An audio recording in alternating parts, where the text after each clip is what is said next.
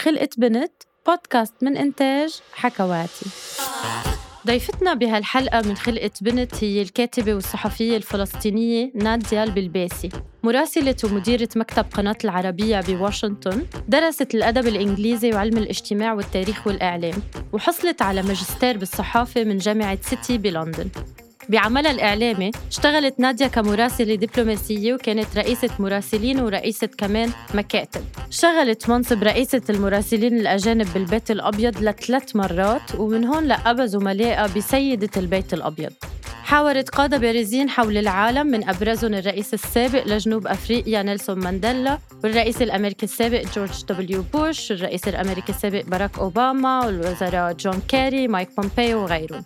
سنوات طويلة من الخبرة والعمل الدؤوب بعدة قارات ما بنقدر للأسف بالمقدمة نختصرهم ناديا أهلا وسهلا فيك معنا ببودكاست خلقة بنت. أهلا فيك دجا وأنا كتير سعيدة أن أكون معك الحقيقة اليوم. نحن أسعد. آه ناديا لنبلش معك من البداية. بتقولي إنه الصحافة اختارتك بينما كان عندك غير طموحات بصغرك. فيك تخبرينا أكثر عن هذا الموضوع؟ إيه أكيد. أنا دائما كنت بقول إنه أنا اكسيدنتال جورناليست بمعنى إنه أنا صحفية هيك بطريق الخطأ إذا بدك لأنه كل طموحي وأنا كنت طفلة صغيرة الحقيقة إني أدرس طب. وكنت كثير عندي شغف بالطب لحد هلأ يعني عندي كتب طب قديمة كثير حتى لما آه، كان ابني انولد بسريلانكا كنت راجع الكتب الطبية وكنت خايفه يكون عنده مرض معين يقول الدكتور آه هذا المرض آه، قضوا عليه قبل 100 سنة don't worry about it فلحد هلأ الحقيقة يعني أنا كثير بهتم بالمواد الطبية. بس الظروف السياسية ما كانت عم تسمح. أنا آه ولدت وعشت بغزة. آه، غزة كانت تحت احتلال من الوقت اللي أنا كنت انولدت فيه. وكان في مقاطعة بالثمانينات ضد الطلبة الفلسطينيين يدرسوا بمصر. كان صعب كتير أدرس بالأردن لأني من غزة مش بالضفة. إجتني منحة أدرس بأوروبا الشرقية بس لأني طفلة وحيدة يعني بنت وحيدة لأهلي. بعد عشرين سنة كان صعب كتير إني أتركهم وما أقدر أرجع لسبع سنين. فأنا آه، تمردت الحقيقة وقلت لأهلي بهداك الوقت إنه ما فيني أدرس إلا طب. وكذا دائما كنت بقول فيك الشخص يتفاوض مع إرهابي بس ما في يتفاوض مع آه، آه، شخص عمره 18 سنة وخصوصا آه، بنت. فأنا الحقيقة فقدت سنة من حياتي لإني رفضت أعمل أي شيء. بوقت بعدها بوقت صغير تعرفت على صديق لي كان خيها بدرس بجامعة بيرزيت بالضفة الغربية. رحت هناك وكتير كتير كان لي تجربة مميزة وفريدة الحقيقة انخراط بالعمل الوطني الفلسطيني وكنت على باتحاد العام لطلبة فلسطين مثلت الجامعة بتونس التقيت كبار قادة منظمة التحرير وبعدها كان في عندي تجربة يعني تجربة مثل كل الطلبة الفلسطينيين اعتقال وإلى آخره. فشفقت على أهلي. فقررت بعد إني أنقل على بريطانيا ودرست ببريطانيا ورجعت على غزة ببداية الانتفاضة الأولى. كان في كل الصحفيين الأجانب يجوا على غزة لأنها مركز كانت. آه، لأول مرة كانوا يعتمدوا الرواية الإسرائيلية دوما. بس لما كانوا بدوا يبدوا على غزة أنا كنت عمري 23 سنة وكنت بحكي إنجليزي منيح. فبديت أتطوع واترجم لهم ومن هون بدأ آه، شغفي في الصحافة. لأول مرة بفوت على مخيمات اللاجئين في قطاع غزة وبترك عملي اللي أخذته بسرعة مع اللجنة الدولية للصليب الأحمر. طبعا ماما كانت كثير متضايقة إنه بترك وظيفة محترمة بين قوسين وأروح بالشوارع عشان أغطي مظاهرات. فهذا كان بداية عملي الصحفي. يعني السنة اللي راحت عوضتيها بسن... بسنوات وبخبرات. يعني ما فينا نقول أبدا إنها راحت بالعكس. نادية ببداية عملك الصحافي بتقولي إنه الرواية الفلسطينية ما كانت توصل بصدقها وحقيقتها وتفاصيل حكاياتها. كيف اشتغلتي لتغيير هذا الواقع؟ مثل ما قلت لك آه، عادة آه، الحرب الإعلامية هي جزء كبير أو ما يسمى بالبروباغندا آه، من أي حرب في الواقع. ودائما كان الجانب الفلسطيني مغيب عن أي رواية. فالإعلام الغربي بشكل عام كان يشكك كثير بالرواية الفلسطينية. وأنا جزء من عملي كان دائما إنه ما في داعي لتضخيم الأمور. يعني إذا الجيش الإسرائيلي آه، قام بقتل آه، متظاهر فلسطيني ما في داعي إنه أقول إنها صارت مجزرة لأنها مش مجزرة. في تعريف دقيق ودولي ومهني لمعنى المجازر والمذابح وكل الأشياء اللي بتنقال. أنا بالنسبة لي كان شخص واحد إنه آه، يتصاوب أو إنه ينقتل هو كافي إني أحكي عنه. ف جزء من أنا عملي كان هو إنه صبغ الطابع المهنية حتى يكون هناك مصداقية.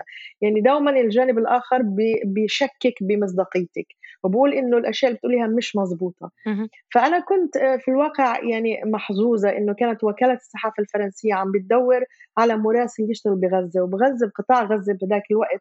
يعني أنا مولودة بمدينة غزة بس آه، في قطاع كبير يعني. في آه، غزة فيها 70% لاجئين من حرب ال 48 وال 67 فبالنسبة لي إنه كان مهم جدا إني أوصف الأشياء على الأرض زي ما هي إني أنقل صوره صورة الناس بالمخيمات ومعاناتهم زي ما هي وهذه كافية. أنا دائما بقول إنه الصحفي لازم يلتزم بوصف الأشياء. أنا مش يعني ممكن أكون شاهدة عيان على أحداث بس أنا مش محللة. وأنا مش وظيفتي إني أنقل آه، وجهة نظر للناس. أنا وظيفتي إني أنقل الأشياء اللي أنا بشوفها وهي كافية بحد ذاتها إنه الناس يكونوا إذا عندهم إحساس بالعدالة إنه بالفعل يقتنعوا بوجهة النظر الفلسطينية. يعني مهم اللي عم بتقوليه ملفت لنسألك عن موضوع الحياد والموضوعية بالعمل الصحافي أو بخلال يعني تجربتك ونقلك للواقع. بتلاقي أنه مجرد النقل مثل ما هو للأحداث من دون إضافة أي رأي آه رح يأثر بالرأي العام إذا الحدث اللي عم نحكي عنه هام؟ أكيد.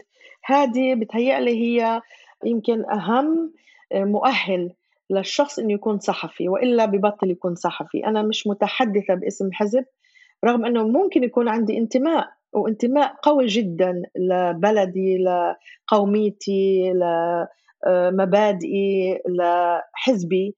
بس هذه الأشياء ما لازم تظهر على الإطلاق. يعني أنا بدي ابدالك بالنهاية اللي هي الانتخابات الأمريكية وجودي بواشنطن. كثير ناس بيسألوني أنت لأي حزب بتصوتي؟ بستغرب من هذا السؤال لأنه هذا السؤال ما لازم ينسأل. مش معنى هيك إنه أنا ما عندي انتماءات أنا موجودة بس ما لازم تظهر على الإطلاق.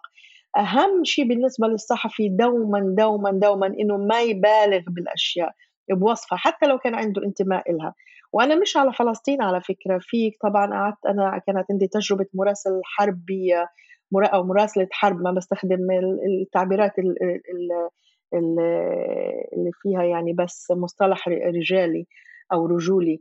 بمعنى إنه آه، بالسودان بجنوب السودان. أنا قعدت عشر سنين أغطي كل حروب إفريقيا.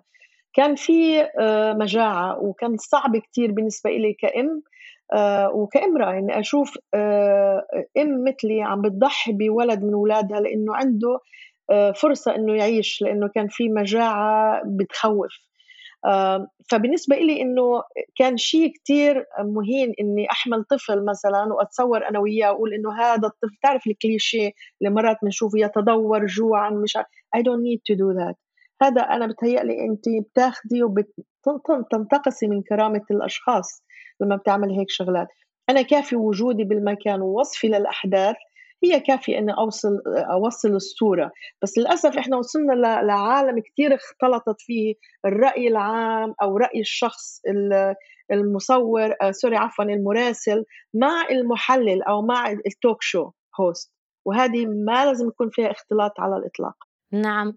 بكل حال يعني اللي قلتيه كمان بيطرح طبعا إشكالية بحول العمل الصحافي ودقته. ناتي بدي أسألك أكثر عن موضوع الحروب. أنت يعني اشتغلتي مراسلة حرب بأفريقيا لمدة عشر سنين تقريبا. آه كيف يعني فينا إذا بدنا نقول كيف صمدتي بنوعية عمل هالقد متعبة وحتى كتير خطرة؟ آه وفيها يعني من الويلات والمآسي الكتير. صحيح. وشوفي وكتير ناس لحد هلأ بتذكروا آه، الشغل اللي أنا اشتغلته بوقت ما كان في social media يعني هلأ مع احترامي لكل الزملاء ومهم كتير دور وسائل التواصل الاجتماعي. لأنها بتوصل آه، بشكل سريع لكل الناس شو عم بيصير على الأرض. بوقتي أنا كنت أشتغل بال MBC اللي هي المحطة الأم للعربية بهذاك الوقت وأنا كنت المراسله الوحيدة اللي كنت أم وكنت single uh, mother يعني أنا فقدت جوزي بحادث سياره كان عندي ولدين صغار وأنا طفلة وحيدة مثل ما قلت لك يعني أصلا only child فكانت كل الظروف الشخصية اللي كتير كتير صعبة. فبس هذا ساعدني كتير إنه دايما أنت بتحطي معاناتك الشخصية بمقارنة مع معاناة ناس عم بتشوفيهم. عم بتهجروا عم بتركوا أرضهم وبيتهم بصيروا لاجئين. وأهم شيء النقطة اللي دائما أنا بالنسبة لي هو كيف الإنسان بيفقد كرامته لما بيفقد كل شيء. مش الأشياء المادية بس إنه بده ينتقل على مكان تاني. بس هو يعني بين ليلة وضحاها بيصير ولا ولا شيء. بيصير رقم. فشوفي عشان تقدري تشتغلي بظروف كتير صعبة بغض النظر مراسلة حرب أو أي ظرف يعني في كتير كمان آه، مهن هي بموازاة الصعوبة اللي بواجهها الصحفي. لازم يكون عندك شغف ولازم يكون عندك إيمان وقناعة بالأشياء اللي بتعمليها. أنا دائما بقول إذا أنت بدك تشتغل من التسعة للخمسة أنت موظف حكومي أنت مش مؤهل أو أنت مش مؤهلة إنك تكوني صحفية. الصحافة هو آه، إيمان برسالة معينة وأنا مرة تانية ما بدي أستعمل كليشي بس حقيقة. إنك أنت موجودة بمكان ما في حد عنده هذا الميزات أو البريفليج إنك تكوني موجودة عشان توصفي للعالم الخارجي شو معاناة هذه القبيلة أو هذه الدولة أو هذه الصراعات القبلية. يعني أنا لما إجيت من خلفية أنا ربيت بالشرق الأوسط أكيد وبالتحديد بغزة والقدس بس ما كنت آه، لي علاقة بإفريقيا. بس لما رحت هناك وكنت عم زرت رواندا بأول تغطية صحفية إلي بعد سنتين من المذابح العرقية بال 96 طبعا المذابح كانت بال 94 ورحت على أوتيل الميل كولين اللي كان أشهر أوتيل كان فيه كل عملية القتل اللي طبعا كان في ضحايا 800 ألف تقريبا مليون شخص انقتلوا في مذابح برواندا. كان بالنسبة إلي إنه آه، كشخص بيآمن بفكرة العدالة مش مهم من وين أنت جاي مش مهم شو انتمائك الديني أو الطائفي أو إذا عندك دين أو ما عندك. أهم شيء هو بالنسبة لي كان العامل الإنساني إنه كيف بالنسبة لي بقدر أركز آه، إذا بقدر أجذب رأي شخص واحد ممكن يكون مقتنع بالأشياء اللي أنا بقولها ممكن يوقف المجزرة ممكن يعمل شيء ينقذ طفل واحد يعني هذا بالنسبة لي كان كان هدف. طبعا كل ما كان المصيبة كبيرة أنت بتغرق فيها. يعني بدي أعطيكي مثل صغير وإحنا كثير بنتشعب بالموضوع بس لما كنت أروح على أغطي المجاعات بجنوب السودان وبإثيوبيا وبأماكن مثل هيك كصحفية كنا نحمل معنا شنطة صغيرة فيها آه، علب سردين أو أشياء ممكن تاكليها طبعا لأنه ما في أكل على الأرض وما في مي. كنا نستخدم آه، حبوب عشان تحطي فيها بالمي العادية الطهر من آه، ميكروبات أو أشياء مثل هيك.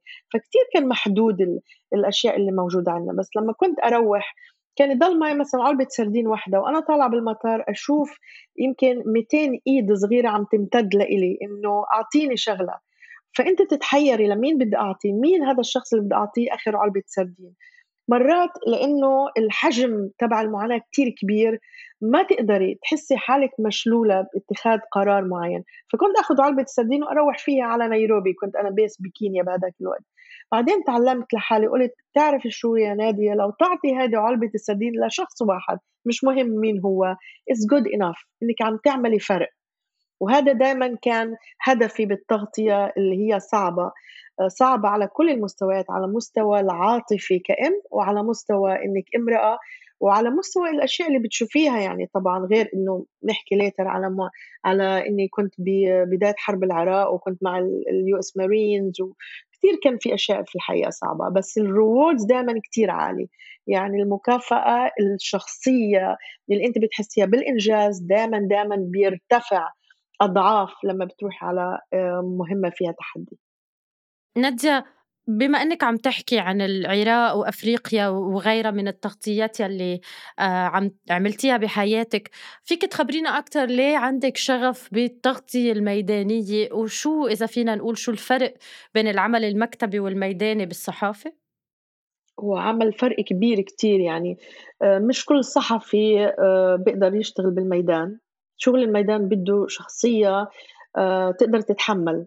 آه، يمكن أنا خبرتي أو إني انولدت بمنطقة فيها صراع وفيها حروب وفيها قضية قضية عادلة بتخليك دائما تتعاطفي مع أي شخص بيواجه نفس الظروف. يمكن ويمكن لأني كنت انولدت بنت واحدة بعيلة آه، يعني ما في كان غيري إنه دائما تعتمدي تعتمدي على نفسك. يعني دائما في انطباع إنه الطفل الوحيد هو طفل مدلل I think it's opposite إنه العكس هو الصحيح. إنه بتعتمدي بشكل اتكالي عليك لأنه كل شيء أنت بدك تعمليه لحالك. ما في حد يساعدك ما في حد يعطيك نصيحة إلى آخره. فالعمل الميداني آه، بتطلب جهد كتير كتير وقدرة تحمل كتير عالية. آه، العمل المكتبي سهل يعني بالمقارنة. انت قاعدة بظروف كلياتها موفرة إلك وأنا بحكي على حتى الأشياء البسيطة اللي بناخذها في for يعني مثل عندك كهرباء وعندك مي سخنة وعندك آه، ظروف عندك producers وعندك أكل وعندك كل شيء موجود متوفر. لما تكوني بالميدان الأشياء اللي بتشوفيها سواء كانت متوقعة أو غير متوقعة آه، كتير كتير صعبة ومش الكل بيقدر يكون موجود بالميدان. أنا بتذكر لما كنت بنيروبي ونيروبي على فكرة كانت مدينة خطرة مع إني أنا كتير كتير حبيت إفريقيا وتعلقت فيها. آه، أنا كان في عندي عملية كار جاكين آه، أخذوا سيارتي مني حطوا مسدس براسي بس الحمد لله إنه الحمد لله على السلامة. الله يسلمك. بس كل هاي الأشياء بتكينا فيلم سينمائي أنت عم بمر بمخيلتك بالأشياء اللي بتمري فيها.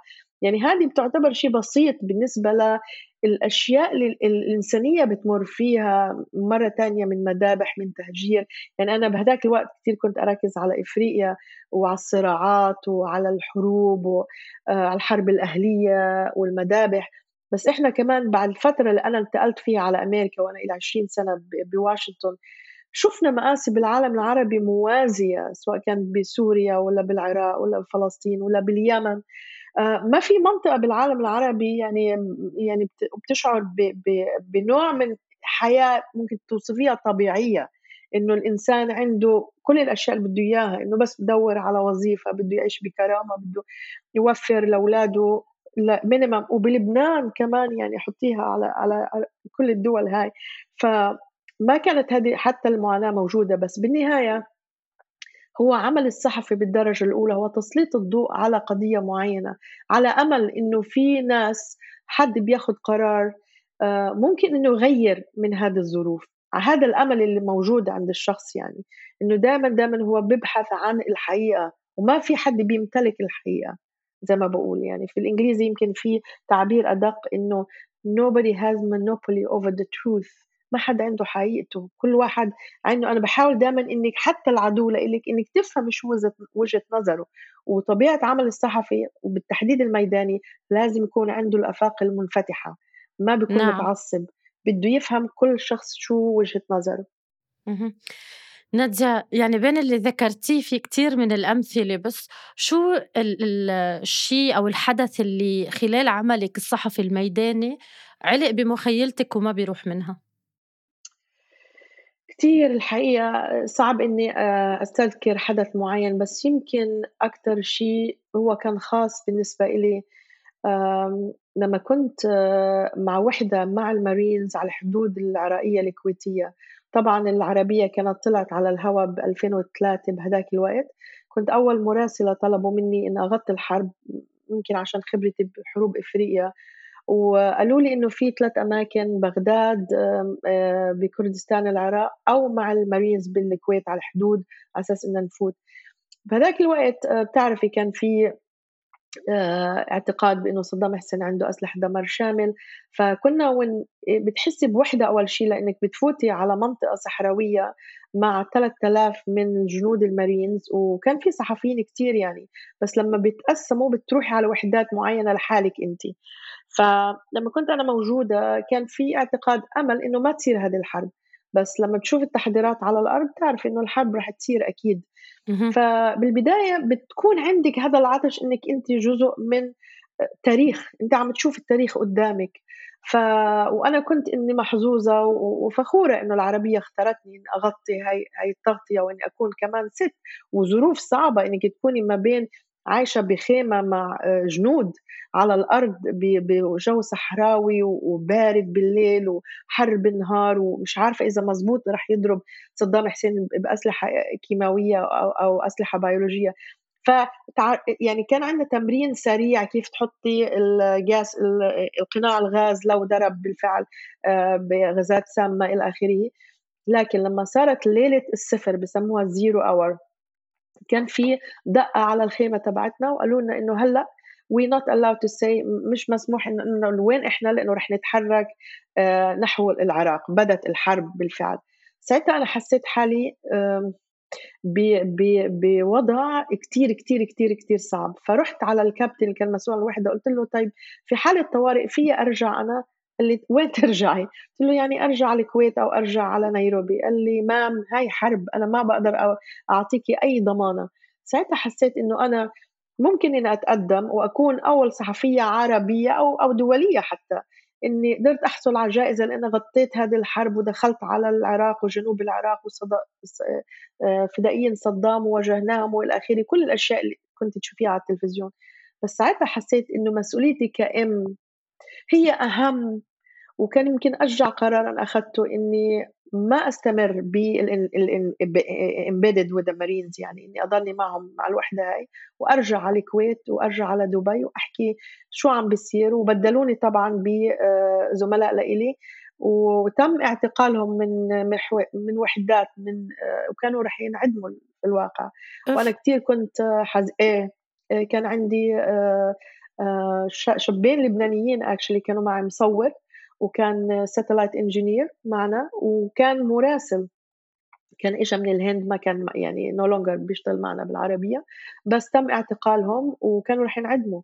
فكان الوضع كتير خطير بس بهداك الوقت الصحفي ما بيفكر بس أنا بالنسبة لي كان مسؤوليتي لام لولدين إنه شو رح يصير لي يعني. وخصوصا إنهم فقدوا بيهم بحادث طيارة وما عندي أهل أنا بالمرة يعني وحيدة على الآخر.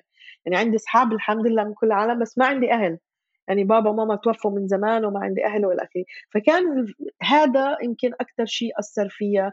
وأنا وعدت اولادي لما إجيت على واشنطن إنه خلص I'm done with wars مش رح أغطي حرب. آه وحتى كان في عندي يعني آه آه اغراءات نعم. إني يمكن أروح على أفغانستان والى اخره بس ما رحت يعني قرار أنا بفهم قد إيه صعب تختاري بين عيلتك ومهنتك والاثنين غاليين كتير على قلبك بس يمكن كان قرار حكيم لأنه الحمد لله بعدك موجودة ومنورتينا ومنوري بيتك إن شاء الله دايما آه نادية بدي أسألك حكيتي شوي خلال آه، الشهادات والروايات اللي كنت عم تحكيها بس أنت صحفية امرأة خاضت يعني ميادين متعددة بيناتها المراسلة الميدانية بحروب آه، عم نحكي كمان عن تغطيتك بالبيت الأبيض في كتير خبرات عندك كونك صحفية امرأة شو الصعوبات اللي واجهتيها بسبب هيدا النقطة تحديدا وكيف قدرتي تتخطيها؟ شوفي أنا دائما في عندي مبدئين الأول إنه بالمهنة أحيانا كونك رجل أو امرأة بيكون إلها مميزات. أنا بطلع إلها كمميزات بس مش كقيود. يعني أنا بتذكر مرة كنت بالصومال كنت عم بغطي الحرب على أيام اللي كانوا بسموهم لوردات الحرب. بهذاك الوقت قبل ما تيجي حركة الشباب. بحكي بداية نص التسعينات تقريبا. كنت أروح أعمل مقابلة مع عيديد أو علي مهدي أو أسمان عتو هم قادة اللوردات الحرب هدول. كنت أكون قاعدة بغرفة وأحكي معه عادي وأخذ حوار صحفي بس أخلص أطلع أنتبه أنا إنه أنا الإمرأة الوحيدة اللي بالغرفة ما بين 26 رجل مسلحين بالاي كي 47 مش رجال عاديين كمان. بس ما كنت أحس الحقيقة دائما أنا بقول إنه الصحفي هو اللي بيفرض احترامه على الأشخاص. يعني أنا ما بستغل هلأ للأسف وأنا بقولها أحيانا وهي نصيحة مني لكل الجيل الصاعد إنه أنت امرأة أكيد أنا بفتخر بكوني امرأة وبفتخر بأنوثتي بس ما بستعملها على الإطلاق بأي ظرف ممكن إنه آه، يكون له علاقة بالمهنية على الإطلاق. بنفس الوقت ما بحس إنه أنا كمان امرأة إنه هذا رح يحدني. هلأ في خوف دوما انه أنا كنت آخر آه يمكن قصة صحفية غطيتها كانت بالكونغو بمنطقة اسمها بونيا بشرق الكونغو. وكان في خوف دائما بالنسبة للصحفيات يعني المرأة بالتحديد إنه يصير عمليات اغتصاب أو تحرر جنسي أو إلى آخره. هذا وارد دائما دائما خصوصا للأسف يعني. أماكن حروب أكيد وبتستخدم كسلاح الآن للأسف بالكونغو بالتحديد يعني. من الميليشيات مش منضبطة يعني ما بنحكي على جيش إحنا بنحكي على مجموعات مسلحة موجودة خارج نطاق أي قانون مش ملتزمة بأي شيء يعني.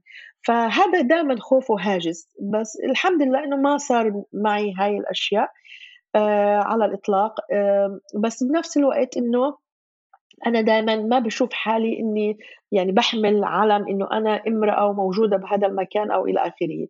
آه، أحيانا بجرأة الصحفي وجديته هي مثل ما قلت لك أنت بتنتزع الاحترام من الآخرين آه، مثل الحرية هي ما بتوهب أنت بتنتزعيها أنت بتشتغلي عليها. فهذه الأشياء ساعدتني الحقيقة.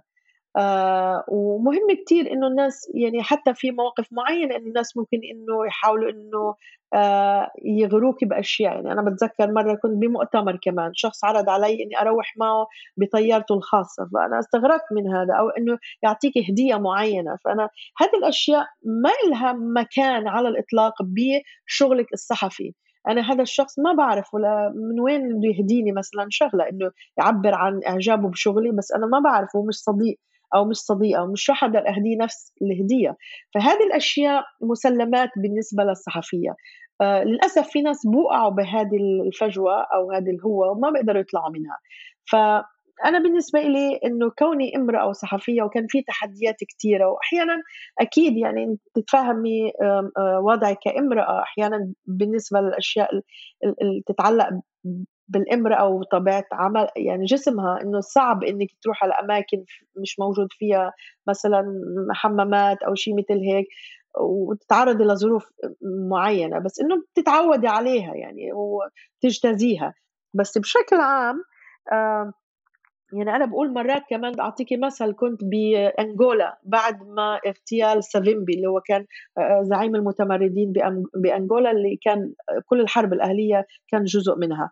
فرحت أنا ومجموعة من صحفيين من جنوب إفريقيا كلهم رجال. نعم. ما كان في مكان ننام فيه فبنضطر ننام جنب بعض ب آه، آه، شو بسموها sleeping bags اللي هم بتعرفيهم طبعا بمكان مهجور أو مفتوح على أرض مفتوحة ب field فهذه الأشياء كلها انت بتاخديها for granted إنه إنت صحفيه مثلهم. أنا ما بشوف حالي إني ست بس مش معنى هيك إنه شخص بيفقد انوثته إذا فهمتوا وات اي مين يعني. بس إنه بنفس الوقت إنه هاي الأشياء خلص أنت بتتعاملي معها كمراسل ميداني عندك هدف هو إنك تطلعي بموضوع وتعرضيه على آه، مجلتك أو آه، جريدتك أو تلفزيونك.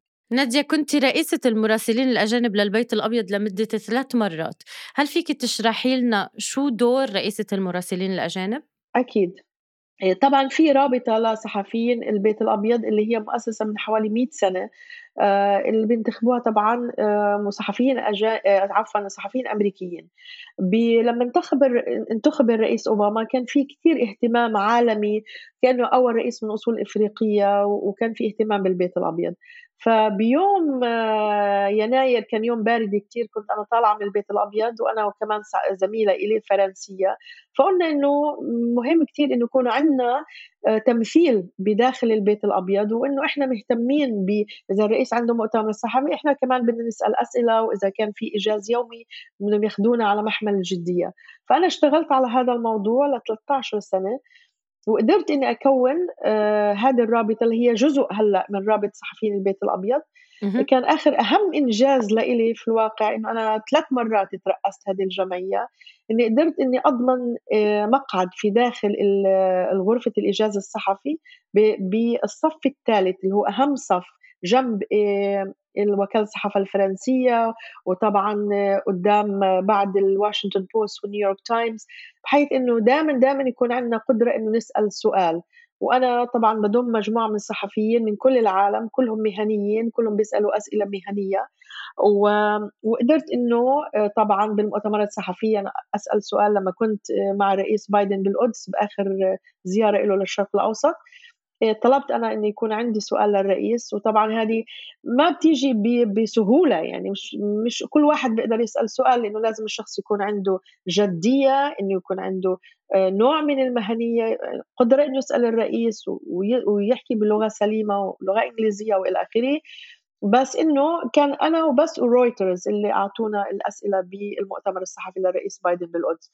ف هذا من الأشياء اللي أنا بفتخر فيها في الواقع إنه أنا قدرت إني بذكر إيه المؤتمر الصحفي المؤتمر الصحفي كان حلو إيه؟ كان في شوي عم بمزح معي الرئيس لأنه قلت له أنا بدي أبرسيون إيران وكذا بس على كل الأحوال يعني الفكرة إنه أكيد البيت الأبيض له دور مهم ووجودي أنا دائما بقول للصحفيين اللي بيشتغلوا الأجانب عرب أو غير عرب إنه لازم يكون لك وجود. إذا أنت مش موجود إذا بضلك بالمكتب تسأل من بعيد أو بتشوف الايجاز الصحفي من بعيد مش رح حد يعرفك. ولازم تسأل الأسئلة الصح. يعني أنا مش رح أغير السياسة الخارجية الأمريكية لما بسأل سؤال آه، محرج إذا بدك بس مش محرج بطريقة إنه أنا بدي آه، أخلي المتحدث باسم البيت الأبيض يشعر كأنه أنا بهاجمه. كمان أنا مش بلمع صورته. أنا مش وظيفتي إني أظهره بمظهر منيح. أو حلو. أنا وظيفتي إني أسأل السؤال الصعب. إذا كان هذا السؤال الصعب بحرجه كان بها. بس يكون سؤال منطقي. يعني مثلا أعطيك السؤال اللي أنا دائما بقوله للصحفيين المبتدئين بواشنطن إنه بالنسبة للقضية الفلسطينية وإسرائيل ما فيك تقول لي إنه ليه أنت عم بت... ليه الإدارة بتأيد إسرائيل طول الوقت؟ بس فيك تقول لهم لأنه مش رح يجاوبك رح أقول لك إسرائيل هو حليف ومعروف الجواب. يعني أنا أكتب لهم اياه لأنه حافظاه من 20 سنة حافظاه وكل الإدارات بتقول نفس الشيء. بس فيك تقول له إنه مثلا في قانون بالكونغرس بيحرم استخدام الأسلحة ضد المدنيين. طيب كيف أنتم بت بتبرروا إنه أنتم بتموزوا إسرائيل بأسلحة ممكن أن تستخدم لقتل المدنيين في قطاع غزة؟ هذا سؤال منطقي وبتحرج ومضطر إنه يجاوب عليه. فالفكرة إنه لما يكون عندك مجموعة من الصحفيين بغطوا البيت الأبيض لازم يكون ياخذوه على محمل من الجدية ويفكروا بالأسئلة كليتها هذه اللي ممكن تنطرح. أنا دائما بحب إني أطلع خبر من سؤالي مش أروح بس عشان أعبي كرسي وإني أقول إني موجودة. ويمكن هذا بيحدث الفرق أحيانا. ودائما بعطيك شوي من أسرار المهنة يعني بس دائما بيكون عندي ثلاث أربع أسئلة مش بس سؤال انه أكيد اللي أكيد. قبلي ثلاث أربع صحفيين رح يسألوا نفس السؤال. فما بترك حالي أنا لآخر الدقيقه فكان هذا التكوين هي الرابطة في الواقع كثير مهم بالنسبة لي وبالنسبة لأصوات الصحفيين الأجانب اللي بغطوا البيت الأبيض. عظيم وملهم اللي عم بتقولي. شو نصيحتك لأي بنت عربية حابة تكون صحفية وتشتغل مثل نادية البلباسي؟ أول شيء فخر إلي إنك عم تذكر اسمي بس الحقيقة بي يعني آه أنا دائما بقول كل الصحفيين أول شيء الصحفيات بالتحديد إنه ما آه، تكونوا موالين لأي شخص الولاء هو للمهنة بالدرجة الأولى. يعني هذا أهم أهم نصيحة ممكن أعطيها لأي حد إنه شغف الشخص إنه يكون عنده آه، القدرة إنه يخدم المجتمع. وهذا بسموها public service اللي هي أنت بتكوني إذا إذا الشخص بيكون عنده آه، القدرة إنه يعزل آه، كل الانتماءات أي شيء سياسي أو اجتماعي أو كذا وانه يقدر إنه يوصل الصورة زي ما هي. هذه أهم خدمة بيقدمها الشخص للمجتمع. ثاني شيء don't get intimidated by authority. ما تخلي أي سلطة إنها تحسي إنه هي بتقدر إنها تتحكم فيكي. أو هلأ أكيد كلية عندنا خطوط حمر وأنا مش ساذجة يعني. أكيد كل شخص كل الإعلام العربي والإعلام الأجنبي كمان كله مملوك من آه، آه، دول أو من ممولين أو من شركات تجارية لها أهداف أكيد. بدون بس دائما دائما في هامش للمهنية. الشخص ما لازم يكون كاثوليكي أكثر من البابا بهالمعنى. الشغلة الثالثة إنه آه، ما تحس إنه أي حد الصحفي ما بينشرى ما بينشرى. الصحفي ما بيقبل إنه يكون آه، آه، جزء من بروباغندا لأي طرف ثاني على الإطلاق. آه، الصحفي ممكن يكون متعدد المواهب يعني مثلا بمعنى قصدي مالتي تاسكينج مش متعدد ما إنه عنده القدرة إنه يعمل الصحفية بالتحديد. والإم أو المرأة دائما عندها القدرة إنها تشوف أشياء الرجل الصحفي الرجل ما بيشوفها. وهي ميزة كتير كتير كتير مهمة ممكن إنه يستخدمها المرأة. يعني أنا وأنا بتمنى إنه يكون المرأة توصل الصحفيه لمركز قرار. يعني مثلا أنا هلأ كنت بكل الفخر أكون أول امرأة مديرة لمكتب لمحطة مثل العربية. يعني ما في كان غير الرجال قبلي. بس بنفس الوقت هذا السقف الزجاجي اللي كلنا لازم إنه يكون عندنا نقدر إنه نخترقه. إنه دور المرأة مش إنها بس تكون مذيعة وجميلة الشكل وموجودة على الشاشة لا بس عندها القدرة على التغيير. أن تكون رئيسة تحرير تكون رئيسة موظفين تكون مديرة بمركز تنفيذي. وهذا إحنا بالنسبة لنا ستراجل يعني معركة مستمرة بأمريكا حتى. يعني حتى التمثيل السياسي بالكونغرس بالنسبة للمرأة محدود. فبنرجع تاني لدور الصحفية وحتى الصحفيات أحيانا للأسف يعني والتلفزيون عم بطغي. يعني أنا لسه عندي كتير شغف في الصحافة المكتوبة لأنه بتقدر تعطي كتير فيها بدون ما يكون في تركيز على آه، شكل المرأة وجمالها وإلى آخره. وهذه أشياء مهمة بالتلفزيون على فكرة. أنا يعني بالنسبة لي كمان مهمة. بس مش على حساب مش شيء على حساب شيء.